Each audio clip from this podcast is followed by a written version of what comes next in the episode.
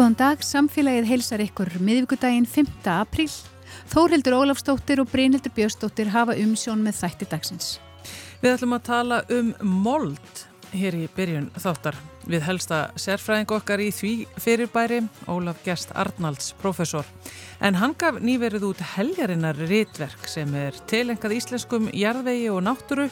Mold er svo mögnuð, hún er undirstaða alls, áhrifavaldur í öllu okkar umhverfi en hún er líka afskaplega viðkvæm og jafnvel hættuleg og svo er hún okkar mikilvægasta og mörguleiti vannmettnasta öðlind.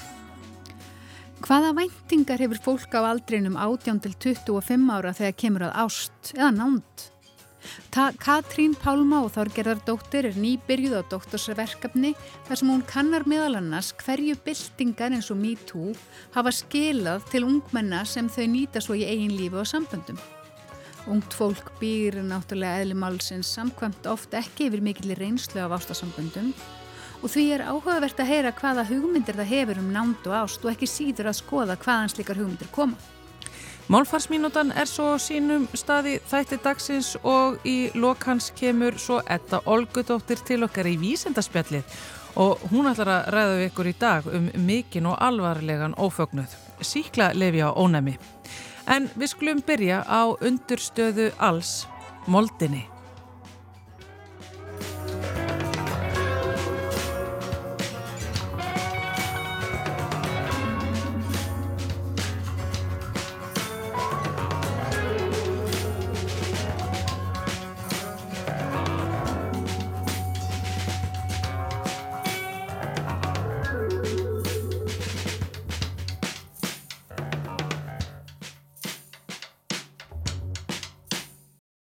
Er komið ansi viðamikið rittverk og ég er ekkert að grínast þegar ég segja þessi viðamikið. Það er 2,1 kíló þessi bók og hún heitir Mold ert þú og höfundurinn Ólafur Gestur Arnalds, professor í Landbúnarháskólanum er sestur hérna hjá mér. Sælvertu Ólafur?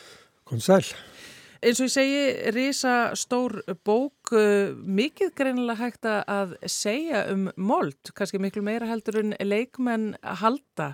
Maður kemst að því þegar maður klukkar í þessa bóka að mold er allt.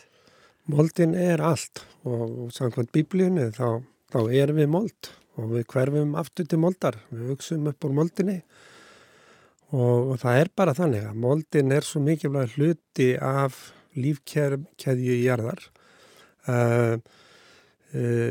það er meiri líffjölbreytileiki í moldinni heldur en sko ofanjarðar nokkuð tíma, markvaldur og í þessu ákala merkilega fyrirbreyði sem við tröskum á dagstaglega þá, þá hérna eru uh, veldast áfram ringrásir, næringar, vass og þarna fer orkan sem að ljóstillífunin býr til, hún fer þarna ofan í moldina og hún þróast með tímanum, tekur á sig karakter eins og mannskeppnan eftir hvernig umhverfi leikur hana, þannig við fáum mjög mismunandi jarðveg í heiminum, allt frá þessum rauða jarðvegi hýtabeltisins og ljósleitum jarðvegi eðimarkana til þess sem við höfum hér á Íslandi og það er þessi lífheimur og þessi merkilega fyrirbreyði sem fæðir og klæðir jarðabúa. Þannig að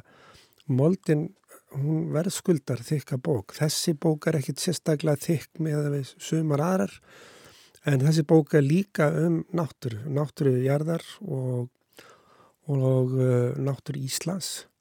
Við erum að horfa á yfirborði og náttúruna samt svolítið frá, út frá sjónamiði moldarinnar ef við getum sagt svo. Já og það er einmitt þetta með íslensku moldina, maður átt að sé líka á því við að skoða þessa bóka, hún er rosalega sérstök.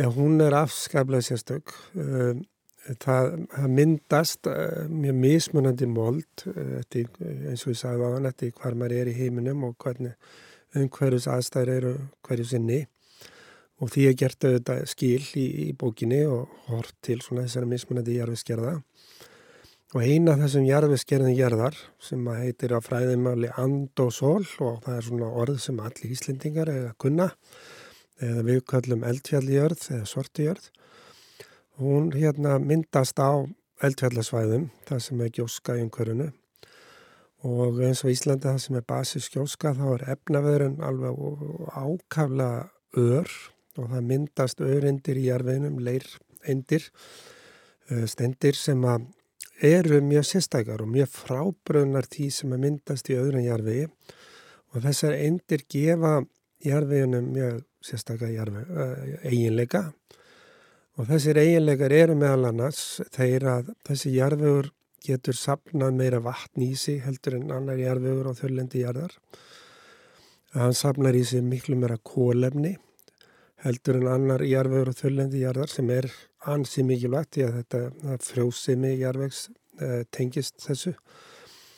En það eru líka neikvæða liðar á, á þessu því að það vantar samlóðun, þessar endir það loða illa saman Þannig að við, ég er verið afskaplega viðkvæmi fyrir raski og í hlýðum fyrir oflæðslu á vatni, sérstaklega sem að frýs og þinnar á vísl. Mm. Þannig að það er, er mikil skriðuhætta á eldfjallarsvæðum jarðar, hvort sem að það er í Japan eða Filipsegjum eða Suður-Ameríku eða, eða eld, hinn eldverkabelti í Afríku. Allir, öll þessu svæði eru mjög viðkvæm fyrir með miklum úrkoma atbyrðum og raski sem geta valdið skriðuföllum. Mm. En svo er þetta náttúrulega með, og við þekkjum það varðandi í íslenska jarfiðin, að er, við rýfumst svolítið mikið um hvernig við eigum að koma fram við hann. Við erum tölum um beit og hvað á að vernda og hvað á að græða upp og hvernig við eigum í rauninni bara að díla við moldina okkar á Íslandi. Kanski er það eðletti, þetta er verðmatasta auðlendi jarðar, lífriki jarðar, það er það sem við byggjum afkom okkar á. Stóru umhverjusamningar samanið þjóðuna, þeir leggja orðið allir áhersla á verndun á þessum gamla vistkerfum sem eru óráskuð og um, núna er áratugur vistheimtar eða endurheimtar vistkerfa á vettvangi samanið þjóðuna og um, Ég held að þurfi ekkit að, að vera deilunum það að við hefum endurheimta röskuð og íllafæri visskerfi því ég held að það ætti bara að vera alveg kristaltært. Hins vegar eru hagsmurinn húfi fyrir þá sem að kannski þar sem að eru visskerfin mjög slæma ástandi og, og, og við þurfum að fara að horfa til annars konar nýtingar. Þá verða hagsmuna áreikstrar og ég tek svolítið á þeim líka. Já, þú þorir að vaða inn á það jarðsprengju svæði í þessari bók og nálgast það þessi mál bara svona mjög svona fræðilega en, en, en, en líka bara já, hvað hefur að segja, bara svona horfir beint í augun á þessu.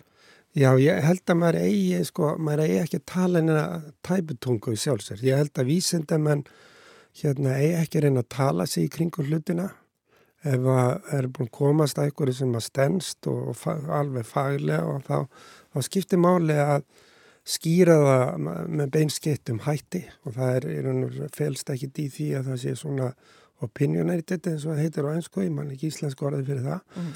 en, en hérna og ég fjallum það sko og það gera líka einmitt vísindaskíslur stóru umhverju samninga samlið þjóðuna að sko við þurfum að horfa til drivkrafta sem að valda rángri eh, landnýtingu eða sem við halda rángri landnýtingu eða koma vekk fyrir endurheimt veistkerfa. Og ég nefni þarna nokkur aðrið eins og uh, landbúnaða styrkir, framleyslu styrkir. Það, þetta er stór vandamál og ingripp inn í nýtingu jarðar sem ofta tíðin leiði til mjög rángrar landnýtingar og það er svo á Íslandi líka. Ég nefni það sem hefur eh, kalla, ég kalla samdöina síki, það er þýðing á, á shifting baseline syndrom og hérna sem er nú reynda fundið upp í samvæti við ástand fiskistofna. Kynnslóðir þeir akseptera og taka sem gefið að hérna, æverra ástand vistkerfa uh, með tímanum. Þannig að, að allt í hennu þá séum við fullkomla raunin visskerfi allstar í kringum okkur þá finnst okkur það bara að vera eðlilegt ástand. Og það er eitthvað sem að, hérna, við hefum ekki að gera. En það er líka okkar hlutverk sem vísindumanna að, að útskýra það. Að, ég bendi líka á það að sko Það er, eh, sko, hagsmunagjæsla er náttúrulega jafngömmul hérna mannkinninu, sko. Og hún á sér staði í okkar samfélagi heldur betur. Við þekkjum það á mjög mörgum sviðum það sem að hver skarar elda sinni köku sko. Það og það er svona hugdag sem að er nú ættaði líka frá vestustrand bandaríkjana sem að heitir Agency Capture sem að er stopnana yfirtaka þar sem að hlaðast inn fólk og sem er í stjórnsýslu þing eða inn í stopnanir sem eiga fara með hagsmunagjæslu fyrir náttúru eða, eða einhver, einhverfið fólk sem er ennveri sér ekki hagsin í því eða já eða er, er nátengt hagsmunagalum og við þessi litla þjóð við erum að sko klárlega þar. Já, já, við þekkjum þetta En sko út af öllum þessum svona deiluefnum yfir því hvað við rýfust yfir, hvernig við eigum að hafa íslensku moldina, hvernig jarðvegurinn okkar á að vera, hvernig ættan þá að vera? Ef þú talar um að við erum að horfa aftur til e, e, gamla daga, hvernig þetta var þá, endur heimta visskerfi eins og þau voru, hafa þetta allt eins náttúrlegast og, og, og, og best. Er það hægt og er það raunhæft? Ég, erum bara svo óskaplega heppin og ég elendi vísindamenn sem hafa skrifað um Ísland og komið hérna er náttúrulega að benda á það að við erum svo heppin að við getum endurheimt og horfin visskerfi. Við förum inn á svæði til dæmis í kringum Guldfoss og hérna Biskustungnaðurett og þar fyrir ofan Já. og ég tek það átt sem dæmi í þessari bók. Þar sitja eftir nokkrar torfur í eðmörkinni og jæfnvel skóarleifar. Þar var gert að kóla sko fram á 16. öld og jæfnvel lengur og eh, hoggin skó, skóurinn og, og brendur og flutti byggða. Og en sko það sem eftir situr meðla umhverfið og auðnin sem eftir situr það er tiltölu auðvelt að koma skóginum, byrki skóginum í hann aftur. Og þú nefnir sko hvað við um að eftirhemta og hverju við um að stefna. Þetta er, þetta er alþjóðlegt mál sem er verið að fjallum að sko hvernig metu við ástand vistkerfa? Þá þurfum að hafa samaburð og um, þetta er fjalla, reynd faglegum stóðum í bókinu, þetta er mjög áhugavert efni, eh, efni ekki bara fyrir Ísland, heldur, heldur fyrir heiminn. Ég horfi á kvikmyndir, til dæmis færiska sakamála þattina með kannski svolítið öðrum augum en aðrir því ég horfi líka alltaf ástand langs. Ja. Og við sem að ferðumstu landið og eru náttúrun önnendur, við hefum að kunna þetta, að meta ástand lands. Í mörgum tilfellum sagt, er viðmið horfið eins og Gríklandi eða við meira hafið og svo víðar. Það er sem menn bara vita jafnvel ekki almenna hvað var því að hrunið átt sér stað fyrir 2-3.000 árum meira og minna stittra síðan í bandaríkjónum. Hér vitum við mjög mikið um það. Já. Og á þurrlendi er, er, er viði e, og hérna, byrkiskóurinn, viði kjarrið, klárlega það viðmið sem við höfum að stefna að með mörgum tilfellum. Þannig að uppræktunin er hluti af endurheimt visskerfa og nöðsulegt að við göngum í það. Já, en það er ekki sama hvernig það er gert og til þess er, er vísinda fólk sem sér hafið sig í þessu uh mhm. -huh. og það eru til aðferðir sem að hjálpa náttúrunni að, að, að græða þessi og hérna að koma, komast tilbaka. En hvað, hvað með svæðin þar sem að náttúran er og hefur kannski eftir vill alltaf verið berangur, enkenni Íslands, auðnin og sandarnir?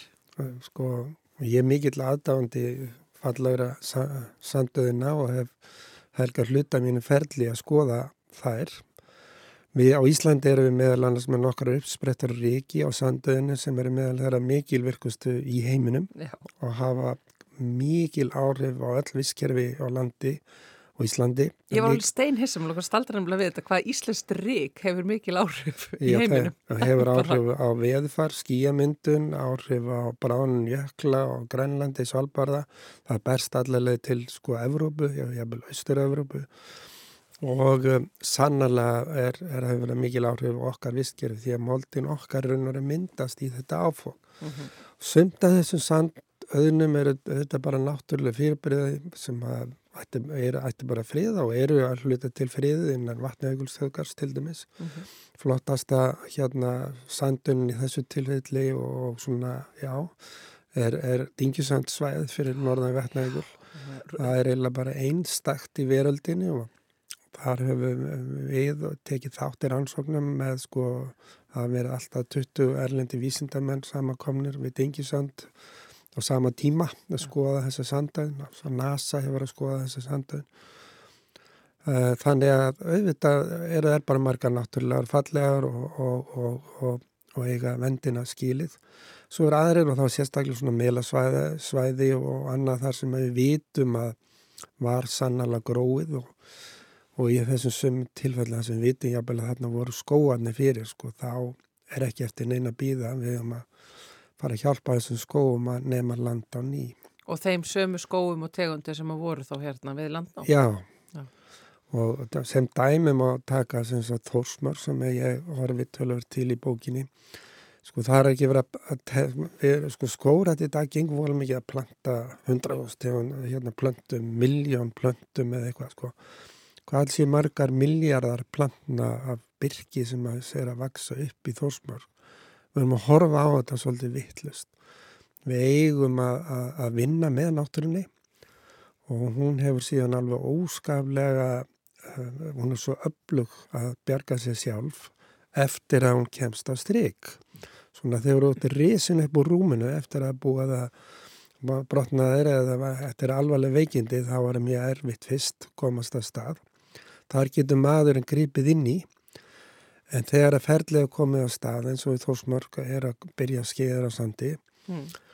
þá getur skógunum fara að vaks upp og, og dreifast út að sjálfum sér. Þetta er afskaplega ódýr aðferð og kom aftur að þessi með kólefnið. Í sko jarfið heimsins er hel mikið meira kólefni heldur en í andrúsloftunum og gróður í sama lagt og, og við, við, við miskilum þetta svo oft sko, vistkerfin eru svo sko mikilvæg hluti af þessi ringgrás uh, kólemnis og gróðrúsuloftegunda og moldin er þar langt mikilverkust því miður er að gerast mjög slæmi hlutir þar með gríðarlega losun af heimskotasvæðinu við losla hlínun stæstu einstaklega losunastæðir kólemnis í heiminum eru framræsta mýrar í Indonésiu sem að losa jafnvel 3% allir losun heimsins. Á Íslandi er þetta sama. Eh, framræst votlendi, íllafæri mólendi er að losa kannski 8 til 12 miljón tonna af koltvísýringi ári meðan allar aðrar aðgerum hans er að losa 5 við erum samt alveg stökk sko. við erum fast í að horfa á það, við eigum auðvitað að draga og losun í jarðarfna eldsneitis og það, það segir sér sjálft en það hefur gengið afar ítla að fá fólk til að holfa á þessar heldamind og þá eru aftur konum på biskustúnafrétt uh -huh. bindingin sem að fylgir því að náttúrin færa að koma svona á legg hún, hún hérna er gríðarlega mikil vegna þessara sérstöku eiginlega í Íslands jarðvegs að binda svona mikið kólefni. Og það er ekki þá bara í byrkinu, heldur er það moldin sem er að safna þessu og byrkiskóar í Íslandi þeir eru svo uppfyllir af kólefni á þöllendi í moldinni að maður sér eiginlega ekki svona tölur í jarðvegi erlendis á þölli, bara alls ekki. Og við getum haft þetta miklu, miklu starra ef við myndum einhend okkur í það. Ég, ég veit að skuld og við höfum að gera það og við höfum að gera það skibla og við höfum að gera það vísindarlega og við höfum að nota okkar fagfólk eins og hjá landgarðslun og landbúnaháskólum og háskóli Íslas til að gera þetta skinnsemi en ekki eins og rótast í þetta eins og eins og Íslendinga gera þeir fá góðar hugmyndir og, og hérna búast undir til meiri vandamál heldur en, en voru fyrir sem á ætlaðir að leysa. Já, mér langar aðeins að staldra við svona hinn ímsu atrið forvitnileg sem maður rekst á í þessari e, bók. Það eru svona, e, hvað kallar það, náttúrulega kaninuhólur þarna sem þú hefur dóttið inn í sko, þegar kemur að því að, að staldra við svona einstöka atriði eins og til dæmis íslenskar þúfur e, og, og, og, og hvernig þær koma til. Ég, ég, ég, ég þurfti að lesa það tvísvar. Já, sko, eins og ég segir, þetta er ekki bara bókum mold, hún er um náttúrulansis og, og, er og þúfur eru kannski, er, sko, við minnum það hérna gamla dag, það var fáni, skreittur skreið eða fiski sem átti að verða enginninsfáni Íslands. Já. Ef það ætti að vera eitthvað í íslenskum fána, þá var það þúva. það er sko, hérna, það eru allstæðar Já. og það eru meiri á Íslandi heldur en annar staðar í heiminum. Þetta er meira enginni hér en annar staðar. Og það er meðal annars vegna þess að hér frýs oftar og þiðnar heldur en annar staðar í jarðakringlunni að því við erum með hérna norður í Ballarhafið það sem að frýs og þiðnar og viksl og svo þessi sérstæku eiginleikar jarðvægsins að halda í svona mikið vatn. Þannig að frostáhrifin verða mjög mikil og svo er eh, reyndar að koma fleiri taknatrið eins og vassleiðinni í jarðveginum er mjög mikil ör þannig að já og, og það er ekki bara þúur það eru melatíklanir, það eru rústinnar á hálendi landsins og það er jarðsilið sem að það sem að moldin er að silast niður hlýðarnar og mynda þessa indisfögru stalla og tungur og annað sem veitum ofta alls ekki aðtegli þegar við verum að ferðast um landið. En, og ég leytast við að skýra þetta og er með auðvitað mikið að myndum í þessu já. Og það verður einmitt líka staldra einmitt við myndirnar eins og til dæmis þegar við tölum um uh, þúfur og önnur minnstur sem að byrtast í íslenskri náttúru þá eru frábæra myndir sem að fylgja og eru alla mynd, eh, bókina í gegn til þess að eh, skýra þetta allt saman. Þannig að myndrarna framsetningin hjálpar svo mikið við að eh, skilja og þekkja og læra betur um þetta þó þetta sé líka náttúrulega mikið fræðreit sko. Já, ég hef lagt áherslu á þetta. Ég er náttúrulega kennari og það þýðir ekkit að kenna um náttúru Íslands og, og þessa hluti á þess að sína bara fullt af myndum sem ég hef verið að sapna það áratugum saman að hluta en, en farið að fljúa dróna undan farin ár. En svo var ég svo indislega heppin að fá uh, til liðsvið mig unga konu sem heitir Fjóla Jónsdóttir sem er afskafla hög í að tekna og, og ganga frá hlutum og hún líka braut um bókina og sko það að setja fram fræðiritt þar sem að þarf svona myndræna þá þarf svona myndræna framsetningu til að fólk almennt bara skilji mm -hmm. þannig að fá svona fólk til sig uh, er afskafla mikilvægt og það tóst afskafla vel Já. í þessu tilvelli Algjörlega. Sko Ólafur, eins og þú fer hérna yfir að þá er náttúrulega fátt eins merkilegt og, og mold og, og frábært að hafa helgað starfi sínu og lífi því að skoðana og sjáana og dástaðinni og fylgjast meðinni. Þín starfsæfi, þú er kent afskaplega mörgum, þú er haft áhrif á uh, fjöldanemenda sem að hafa gefið sig að þessum atriðum uh, já, á allan veg. Hvernig stendur, hvað var það svona hvað ég segja, svona bjart síni. Heldur þú að okkur takist að koma fram, vel fram við moldun okkar hérna á Íslandi og, og, og búa vel um hana og, og leifinni að vera eins og náttúrann ætlaði henni og ná sér úr streik? Já, sko, ég, ég held að, að það sé von og vonin er nú eitthvað fallega stóri sem að til er í málunu Uh, og við erum með margt ungt fólk sem er farið að gefa sig að þessu að miklu aflið. Þetta, þetta hafði dottir svolítið nýður. En það er að breytast. En það er hins vegar búin við, við það á þessum tímum að líffjölbreytilegi jarðar er að rinja og það er ennþá gengið mjög hartað vistkerfum jarðar og fólksfjölgunum gríðaleg og svo erum við með lofslags hamfærir. Já. Þannig að það unga fólk sem tekur við þessum bolta af okkur, það er ekki öfundsvert. Er, þetta eru óskaplegar áskoranir.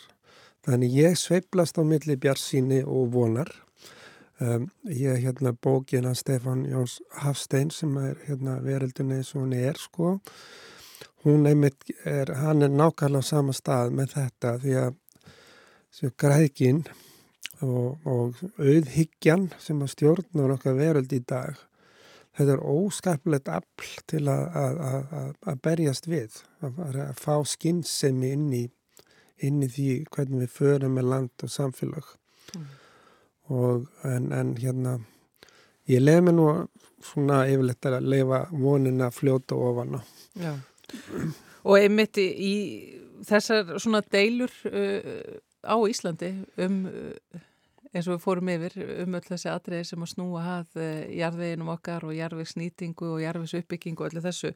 Er þessi bók, heldur hún lægi þær öldur, sé gott innlegg eða, eða Ég held að sé, sé, sé hvori tveggja sko, það hérna, hún kemur eflustu kaunin á einhverjum og hérna og, og, í ymsum skotum sko sem að og, og svo býitt, þannig er það bara. En, en ég held svona í heldina þá að eigin að geta hjálpa okkur að komast að samilegri niðurstöðu, hún er innleg í það. Og þetta samtal sem að hefur sko verið, sko, ég, ég man eftir því þegar að Ómar Ragnarsson var með sína sjómanstætti og hér logaði samfélagið og ég tók þátt í því að kortlækja jarfiðsæðing á Íslandi sem var hluta lausninni að bara faglega að skoða hvað vandamáli var stort þá hættu þær deilur. Og hérna menn vissu það bara var stort en þá hafa deilurna frekar snúist að það hvað gerum við? Og ég held að þetta sé einleika inn í það hvað við erum að gera næst og margt að því líkur alveg ljóst fyrir. Það er hík á stjórnvöldum, það er ekki ennþá komin út sjálfbarni reglugjör sem á að fylgja nýjum landgræslu lögum sem voru sett 2018 og þetta hík er mörguleiti svolítið óskiljanlegt en kannski skiljanlegt, það er vegna þess að það eru alls konar aðeinar öruglega að íta úr öllum áttum. En við þurfum að komast áfram veginn og þetta, ég, þessi bók er innlegg í það En hún er líka einleggi bara fyrir almenning að skilja náttúrulega landsins og, og hérna frá öðru sjónarhóttni heldur að það er kannski vant og það er sjónarhótt sem að, þar sem moldin leikur líki hlutverk. En moldin er svo mikilvæg og ef við gleymum moldinni þá er eitthvað að. Ólafur Gestur Arnalds, eh, takk kærlega fyrir að koma hingað í samfélagið hvetur hlustendu til þess að kíkja á þessa frábærbók Moldert þú, Jærðvegur og Íslensk náttúra.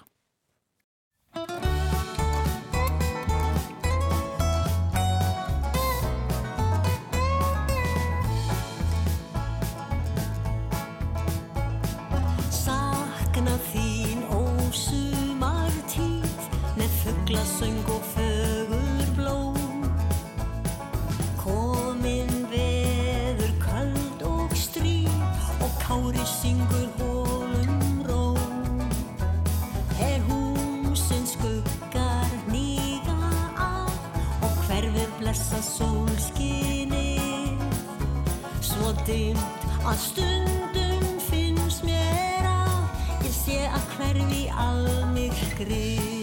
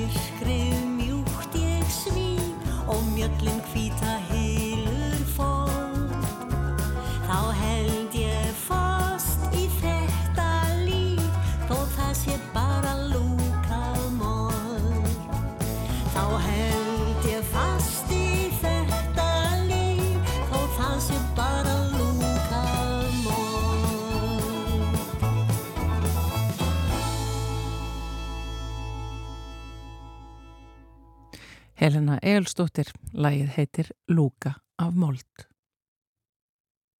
Katrín Pálma og Þorgeradóttir er heimsbyggingur sem er að rannsaka uh, samskipti ungsfólks og viðhorf þeirra til ástar og romantíkur með hlýðsjón af uh, byltingum eins og MeToo og nú síðast varleita byltingunni í MH og öðrum framhaldsskólum núna í haust. Og Katrín er komin hérna til okkar, ertu, ertu velkomin Katrín? Já, takk. Uh, segðu mér aðeins svona, segðu mér aðeins frá þessari rannsókn sem þú ert að sinna.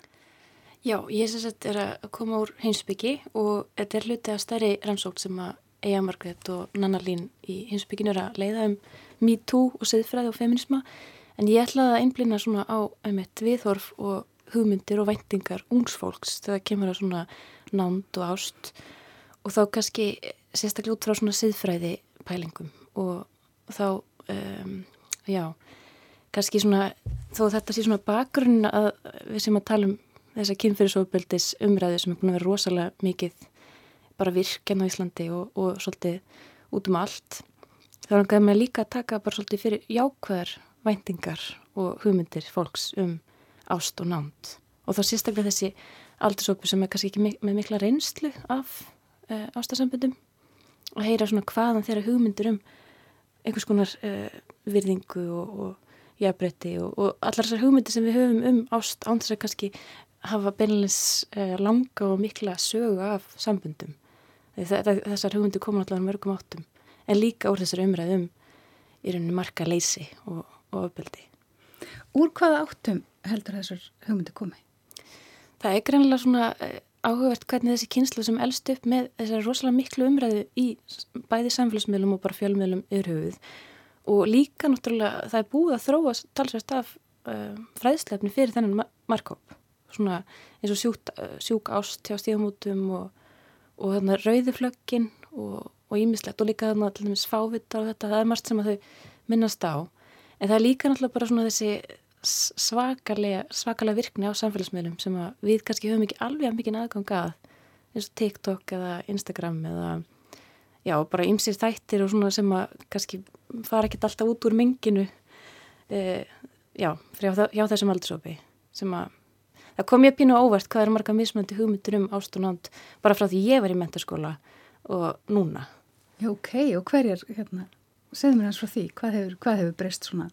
Mér finnst svona eins og, eins og krakkar séu rosa, hérna, bæðið bara búin að telinga sér svo flókið og, og margvíslegt og svona núans er að, sko, hérna, orðaforða um bara ímislegt sem tengist valda tengslum og bara svona löngunum og, og sjálfsmynd og, og kyn kynhlutverkum og kyngerfi og kynneið og allt þetta. Þetta, þetta er komið á svo allt annar stað frá því bara, frá því ég var úrlingur.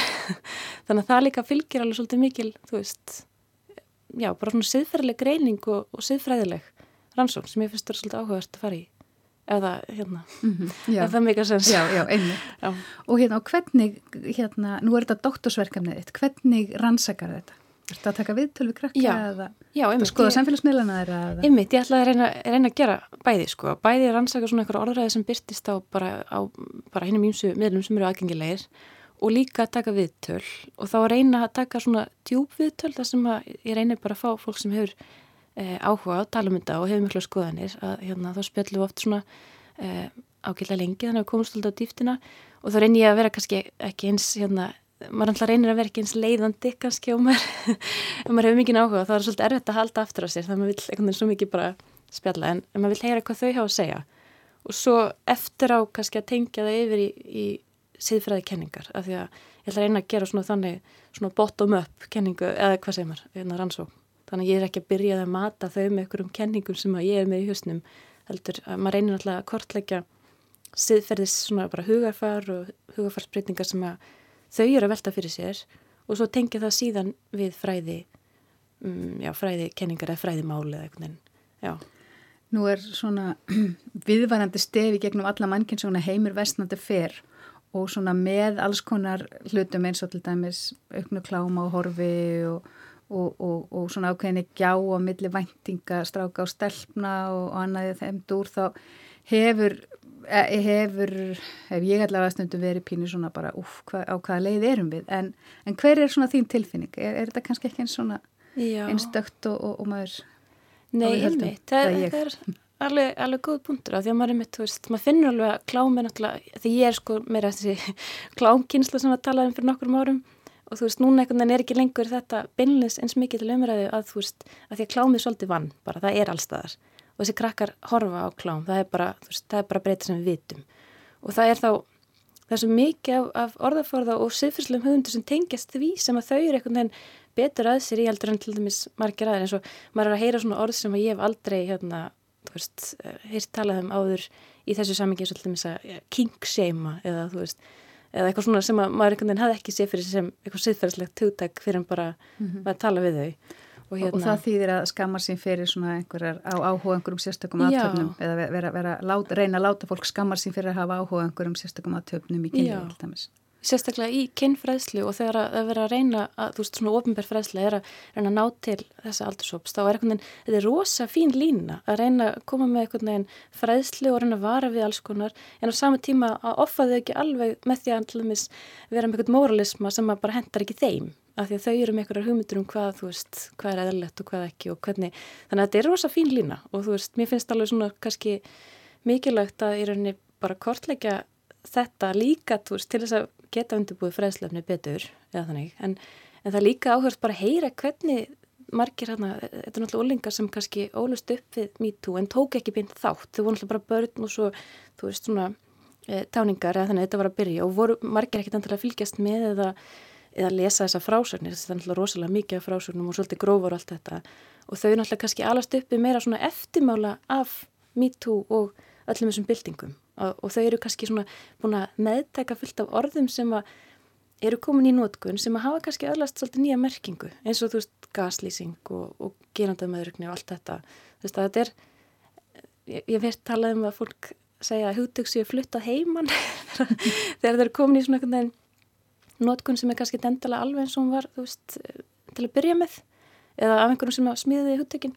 Þannig að það er alveg áhugast að heyra hvernig þetta þróast og þú veist það er mín mitt plan er ekkit endilega að vera með eitthvað, hérna, eitthvað bóðandi hérna, siðferðið en eitt svoleiðis. Þetta er, þetta er náttúrulega bara kortleik eitthvað svona hugafar, hugafarsbreytingar og þá náttúrulega líka tengist líka bara hvernig, hvernig menningu, menningu við lifum í dag. Og þau náttúrulega eru afurð, eða við vel, við erum ekki bara afurður en, en það er rosalega mikil svona einhvern veginn, hvað sem er svona orðanum einstaklingin er rosa sterk. Og þau náttúrulega uh, spekla það alveg í hvernig þau tala um sig sem kynverur og og, og siðferðisverur. Þannig að það er ósað áhugast að hérna, já, allavega ekki að, að gera, að að þetta sé alltaf að fara að versna eða heiminu versnandi fyrir heldur bara að þetta er að, þróast og þetta er hérna, já, öll þessi umræð er alltaf til góðs held ég. En hún kannski tekur smá tíma til að síast yfir í sko einhvers konar hagnýta þekkingu. Eins og með þetta með þú veist að maður er alltaf að kenna krökkum svona alls konar hugtug sem eru rosalega flókin í framkvæmt og Mér finnst þess að margir krakkar einmitt, þú veist, þau tala um þetta, þau hafa lært allt um mörg og, og passa allt þetta og svona ofbeldi og óheilbrið sambund, en svo lenda þau samt í óheilbriðum sambundum að því það er annað að, að beita reynslunum sinni og þekkingu sam, samleiða og einhvern veginn að þróa og skilja þessi hugtök almennilega þegar þú ert í aðstæðunum og það er meira en að segja þegar maður er 16, 17, 18 ára. Þannig að það er rosalega mikil stökk sem að þau taka þarna mjög snemma sem að við mörg varum að gera kannski, eins og margi sem komið fram í MeToo byltingunum voru kannski að gera upp reynslu sem var 20-30 ára gömul og eru að setja orða á hana með öllum þessum nýju hugtökum sem við höfum núna í dag. Menn að þau alast upp við þennan orðaforða og þessu umræðu og eru svona svolítið smám saman að tengja sína reynslu bara strax við hugtökinn sem við höfum mm -hmm. og það verður auðvitað messi, eða þú veist. Já, en nú erum við náttúrulega og höfum kannski svolítið verið að vinna svo mikið með kynferðislega samskipti í, í, þessa, í, þessari umræðu um sambönd og, og, og, hérna, og kynlíf og annað. En ást og námt hefur kannski minna verið notað. Ég er svona velta fyrir mér, mér finnst stundum eins og við séum komin á einhvern svona mjög, eins og þú segir, flókin og nú er sér aðan stað með með umræðunum kynlíf mm. en svo erum við enþá með ofsalega bara, ég vil gamaldas hugmyndir um, um ást og romantík til dæmis Nefnilega sko, það er, það er ótrúlega áhugast að heyra líka hvað hva þetta er oft þversakna uh, kendar hugmyndir sem við höfum um ást og romantík og svo hvernig blandast inn í allir þessi umræð um e, ofbeldi sem að þú veist, er, þetta er rosa fín lína alltaf. Af því að margt sem við teljum vera romantíst samkvæmst einhverjum svona standard, svona Hollywood standard er náttúrulega eitthvað sem við myndum telja vera svona jáðræfi ofbeldi. Þú veist, þess að taka ekki nei sem svar og, og allt þetta og vera ítinn og, og alls konar svona, þú veist, romantískar gestures er náttúrulega oft bara markalesi. Mm -hmm. Já, einmitt, það voru oft að tala um kveikmyndina Love Actually í þessu sambandi þessum að, þessum að maður dæmis, eldist við stúlku, eldist við eiginkonu vinar síns og, og, og svona neyðir hann alltaf að taka við sínum tilfinningum Algjörlega. bara sem dæmi sko. og, og notebook og eitthvað svona Já. sem að bara að þú fer ekki út með mér þá bara fremjast sjálfsmorð og það er mhm. eitthvað romantíst eða þú veist það er einhvern veginn rosalega, þú veist í dag höfum við miklu meira orðafóra til þess að greina þetta einhvern veginn og bara miklu betri tæki og þau eru alveg með á nótur um þessi krakkar sem eru hafa áhuga á þessu en auðvitað er þetta náttúrulega, þetta blandast og verður rosalega flókið eða þannig. Já, eru þau með á nótunum með það að það sé hérna, ekki rétt hegðun til dæmis að, að beita einhverju svona, að það, það, það, það að einhver segist vera svo ástfangin að þeirra að hann vilji bara ekki að þú talir við neitt annan að það sé ekki rómatist heldur að sé bara eitthvað allt annað. Ég myndi segja að þú veist, sérstaklega eins og hérna, þær hjá stígamótum eru búin að vera að kynna þarna sjúkt spjall og svona, þetta er oft svona þau kannski vita þetta í orði en ekki á borði. Og svo er erfið að beita þessu þegar þú ert í aðstæðanum af því þá náttúrulega kemur líka, það er eitt að vita eitthvað svona rasjonalt og vitsmjönulega en svo er annað þegar þú ert tilfinningarlega eh, komin í eitthvað samband og það er bara erfið að greina á milli. Og bara við þekkjum það öll sem hefum verið í sambundu bara fullari fólk að það er maður er oft bara lengi að vinna úr reynslu og setja hann í samengi og mér finnst það bara mjög hérna, hvað segir maður, skiljanlegt að 16, 17, 18 ára og bara úling ungt fólk sé lengi að setja reynslunum sín samengi eða þannig. Mm -hmm. maður er ennþá bara að læra sjálfur sin einn mörg þegar ég er ennþá komin að ferðisöldur og maður er ennþá svona að, veist, að læra alltaf hvernig mm -hmm. þú veist, já, okay, já, þetta er eitthvað sem að þannig eru mörgin einhvern veginn og hann að setja það í orð og svona en, en það, ég held að þetta sé allt saman mjög þetta er útrúlega gaglegt að hafa þetta, þessi verkværi þegar maður er úrlingur en auðvitað þá skila þess ekki strax í praxís En ertu þá líka að skoða viðhörðera til romantíkur og ástar og nándar og annars í þeimtur? Já, ég mitt... Því í mýt útlamis voru það lítið fjallað um, um, um ást og nánd. Já, og ég mitt, þetta er alveg pínu svona jærsprengju að tala um ást í sömu andrófum og tala um kynfyrirsopaldi, af því að það náttúrulega er ekki það sama. En á sama tíma þá er þetta náttúrulega í ástarsamböndum sem við erum svo varnalös og, og berskjöldu og þarna erum við líka ekki með eh, sömu gleru á okkur og þegar við erum að gaggrana eitthvað út í samfélaginu eða þú veist, við erum að tala um siðferði og siðfræði, svona, það er einhvern veginn oft annar staðan í okkar mest prífata hérna, beskjaldaða mómenti sem við erum bara með okkar hérna eitt stort opið sár heima í okkur þannig, og þannig að þarna er svo ótrúlega viðkvæmt svæði og það er svo mikilvægt að vera með svona góðar jákvæðar hugmyndur og væntingar um hvað maður er ætlast til af bæði sjálfum sér og bara maganum og eða hvort sem það eru fleiri eða einn, þú veist, en það er rosalega hérna, það er svolítið leðilegt að siðfræðin einhvern veginn er, það hljómar ofta eins og maður sé bara að tala um brot og þeirra skortur á réttlæti einhvern veginn, en auðvitað erum við líka að tala um jákvæða, bara gildismat og væntingar og þú veist, allir þessi hugtök sem að tengjast siðferði, bara virðingu, jábrytti og umhyggja og, og tengsl sem að þurfu ekki verið neikvæð eða þannig. Nei, og eru kannski bara jákvæði í aðli sínu. Já, ég held að það sé alveg mikilvægt að að svona, skoða það líka. Nú veit ég að þú ert alveg ný ný byrjuð á þessari rannsók, en, en hvena má vænta einhvers konar svona niðurstaða eða? Já, ég sko byrjaði haust, svo er ég reyndar í fæðingur alveg núna og svo hérna er ég með þetta verkefni í gangi núna í næstu þrjú ár þannig að vonandi bara þannig í lok, ég ætla að reyna að, byr, reyna að byrta eitthvað bara umlið og, og það er tilbúið einhverja greinar Einmitt. Við bara byrjum spennt eftir því Já, frábært. Katrín Pálma og Þorgeradóttir, takk kærlega fyrir komin í samfélagið. Takk sem leðis.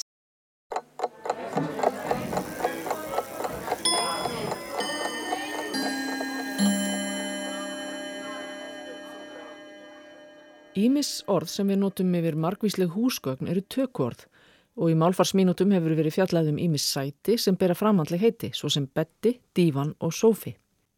Eitt slíkt sæti þykkur nafnsitt úr frönsku þar sem það kallast chaise longue, langur stóll eða legubekkur. Það heiti hefur farið víða um tungumál heimsins og oft afbakast að meira eða minna leiti. Í ennsku var chaise longue til dæmis að chaise lounge, sem nafnorð merkir lounge í mist setustofa, legubekkur eða kvíld og afslöpun.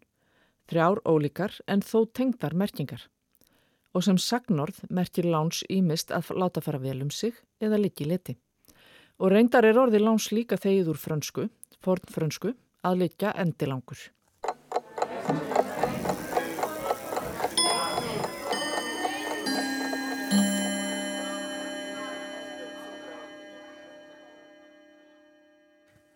Þá er málfarsmínúta að baki hérna hjá okkur annars eru þráhansdóttir málfarsaráðunautur var með hana og það er komið að öðrum föstum lið hér í samfélaginu, vísendarspjallinu með ettu okkar, Olgudóttur, sælvertu. Sælarverði. Það er ófögnuður sem að þú ætlar að ræða um í dag og, og sívaksandi vandamál, síklarlefi á ónamið. Já, einmitt, ófögnuður sem við erum samt að reyna að finna lausnina við. Já. Þannig að þetta er ekki bara neikvægt, það er alls konar jákvægt hann inn á milli. Já, já. En, en síklarlefi á ónamið, það er alveg rétt, þetta er vaksandi vandamál og þetta er eitthvað sem við verðum að fara að takast á við og við erum náttúrulega að gera það með því að, draga úr síklarleifja nótkun en þetta er samt sko hérna, við munum aldrei sko hvernig við orða, við getum ekki klára þetta vandamál vegna þess að við þurfum alltaf að halda áfram að nota síklarleif og bakterjur hafa þennan eiginleika frá náttúrunar hendi að taka upp ónæmi úr umhverfi sínu og ef að það er hérna þessi þessi pressa á bakteríur þar að segja þetta áreiti sem að, að síklarleifin eru þá munar leitast við að taka upp síklarleifja ónami eða gen sem að geima það þannig að þetta verður alltaf stöðu hringrás. Mm. Þannig að við erum að hérna, lausnin er náttúrulega að finna ný síklarleif til að, að ráðast á þær bakteríur sem eru með síklarleifja ónami en þau síklarleif munu líka renna út af því að það verður, það verður alltaf til eitthvað gen sem að hefur ónami fyrir því. Þannig að þetta er svona, að þetta er bara línudans sem við munum halda áfram að dansa út í hið óendanlega. Sérstaklega Já. þegar að mannfólkinu fjölgar. Það, það er náttúrulega ekki að hjálpa okkur vegna þess að þá verður síklarlefin útkonin meiri og hérna, þú veist, þetta svona snjóbolta rullast svolítið áfram. En mun þetta, sem sagt að þú talar um að þetta munir bara vera svona útið óendalega, er ekki einhver löst sem að við sjáum fram á sem við myndum bara binda enda á þetta endanlega? Nei, Eða, nei okay. það er stuttasvarið, bara nei. Því, en við munum, þú veist, við munum halda áfram að þróa nýjum síklarlif og það mun bjarga okkur alltaf fyrir næsta hotn, skiljiði. Það því við munum alltaf geta nota nýju síklarlifin eða nýjar aðferðir til að ráðast á síkingarnar sem að mun þá hjálpa okkur upp að vissu marki og svo komust við að næsta hotni.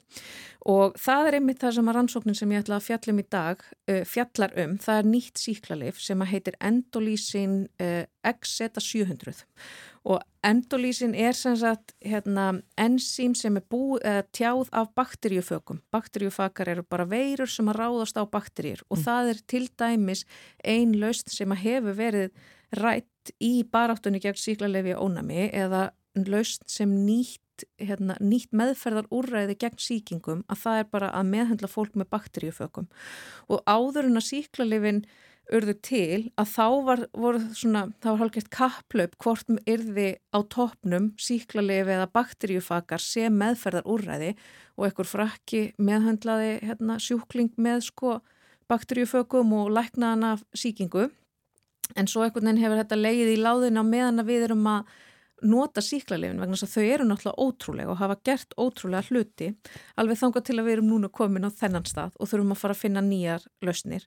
Og þetta enzím, það, hérna, það heitir sko XZ700 af því það er búið að breyta því örlítið, þetta er ekki alveg nákvæmlega og er einnafgra úr bakteríufökunum og það hérna, er hydrolasi sem þýðir að það brítur í sundur efnatengi með vatni eða í efnakvarfi vatn og það brítur í sundur efni sem heitir peptidoglækan og peptidoglækan er hérna, samyndin sem byggir bakteríu vekkin og bakteríur eru sem sagt ekki alveg eins og okkar frumur, þær eru þarna þær eru náttúrulega sko ekki heilkjörnungar heldur bara eitt svona sullin í frumu hinnu Já, svona varnarlag. Og svo er þetta varnarlag sem Já, að vekkurinn er sem er búið til úr peptidoglækani og er ekki, þetta er ekki eina síklarleifi sem er til sem að ræðst á vekkin.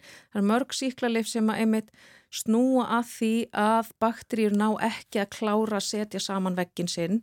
Þarna er reyndar hérna, enzím sem að sérum það bara klippa í sundur vekkin þegar hann er komin, til, komin upp. Þannig að það er hérna þær ráðast ekki bara á bakteríu sem eru í hröðum vexti, heldur líka bara þær sem eru bara þarna að gera ekki neitt, skiljið, af því að það bara hérna klippir í sundur veggin og drepur þannig bakteríunar og líka af því að þetta er bakteríu veggur að þá hann er mjög sértækur fyrir bakteríur þannig að þetta ræðst ekki á aðrar frumur okkar líkama þegar þetta er notað. Og þannig að þetta er hérna líf sem er svona aðeins verið að reyna að þróa. Og þessari rannsók sem að ég var að skoða þar eru það að skoða þetta í samhengi við hérna Eh, stafilokokkus árausíkingar sem að eiga sér stað í eh, sjúklingum sem eru með mjög sérstakka típu af eitilfrömu krabbamenni og Já. þessi típa sem er kallið CTCL að þau eh, hérna, eru mjög útsett fyrir að fá stafilokokkus áraus síkingar og stafilokokkus áraus er bara bakteríja sem að lifir nánast út um allt sko, hún er mjög algeng á húð og í nefi og munni og jafnvel bara í hérna jarðvegi, Já. finnst út um allt og er mjög eðlilegt að finnist á okkur og mjög mikil er hérna, stór partur af okkar hérna, örfuru flóru. Uh, en þegar að fólk, þessir sjúklingar sem eru með þetta CTCL krabbamein, að það verður einhvers konar hérna bara galli eða róf í ónæmiskerfinu sem að veldur því að þessar frumur eiga, nei þessar bakterjur eiga auðveldara með að valda síkingu. Ja og þessir hérna, sjúklingar eru oft meðhöndlaðir með hérna, síklarlifjum til þess að bæði halda niðri sko síkingunni en svo hefur það líka áhrif og jákvæð áhrif á krabbamennsmyndununa. Þannig að það er verðist hjálpa til við að halda krabbamennu niðri að vera í eitthvað svona síklarlifja meðferð. Já. Hins vegar, um leið og síklarlifja meðferðinni sleppir að þá grassir að síkingin aftur og virðist þannig að þeir sjúklingar sem að hérna, eru í þessari stöðu þurfa að vera í stöður í síklarlifegjöf. Sem er náttúrulega aldrei sem er bara mjög neikvægt Já. og þá sérstaklega líka upp á það að hérna íta undir síklarlifi ónami já, hjá já, þessum einstaklega. Það er alltaf síklarlifi, það getur bara endað einn veg. Já, og svo eru sko stafilokokkus áreus eru þekktar fyrir að vera mjög um, flink virkar í að taka upp síklarlefi ónæmi Á, og þið hafa kannski heyrt um hérna bakteríu sem að heiti sko MS, nei, MRSA og ég held að sé mm. MOSA á íslensku. Það er Multiresistant Staphylococcus aureus. Vegna þess að þetta er bara Ódrepandi kvikindi Já, sem er þá bara með hérna, síklarlefi ónami gegn ótrúlega mörgum síklarlefi sem að gera þetta náttúrulega ennþá erfiðara.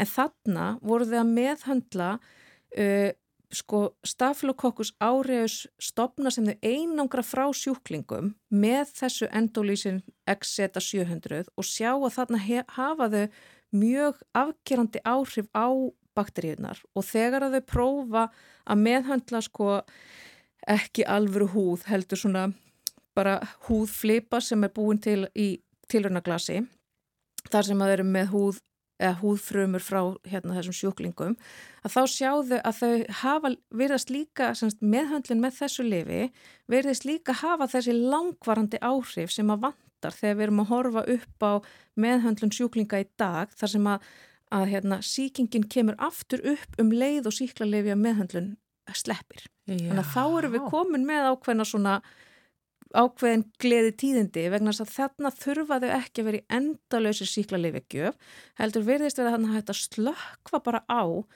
þessum, þessum vítaring sem að skapast með stafilokokkus áriðus og hérna CTCL krabbamenninu. Það er alveg frábært að þessi allavega hægt að brjóta upp einhvern einn vítaring sem að tengist þessum síklarleifum af því að eins og þú talar um þarna áðan þá er þetta alltaf, við erum alltaf bara að komast fyrir næsta hótt og, og að eilifu. Og þó að þetta sé náttúrulega sko svolítið sértækt fyrir þetta krabbamenn þá eru við þarna líka með nýtt síklarleif sem að, að mögulega mun nýtast í fleiri meðhöndlunum heldur bara á þessum hérna krabbamennsjúklingum en svo það sé líka sagt að þá er hérna þau síklarlif sem við erum að finna upp núna þau verða alltaf spari síklarlif vegna þess að við viljum ekki dæla þeim út í umhverfið eins og við höfum gert við, við síklarlefin sem við Já, eigum í dag og búið þá til meira síklarlefi ónæmi. Spari síklarlefi. Já. Þegar páskana. Það er hátíðar síklarlefi. Þetta er einmitt síklarlefi til hátíðar bregða. Þetta Já. er mjög aðdeklisvert. Etta Olgudóttir, takk hérlega fyrir komin að hinga til okkar í samfélagi með vísendarspjallið og uh, með því líkur þætti dagsins, þetta síðasti þáttur fyrir páska við bara vonum innilega kæru hlustendur að þið komum til með að njóta þess að vera til um páskana. Já, bara gleðilega páska og gangið hægt um og, og, og landsins vegi.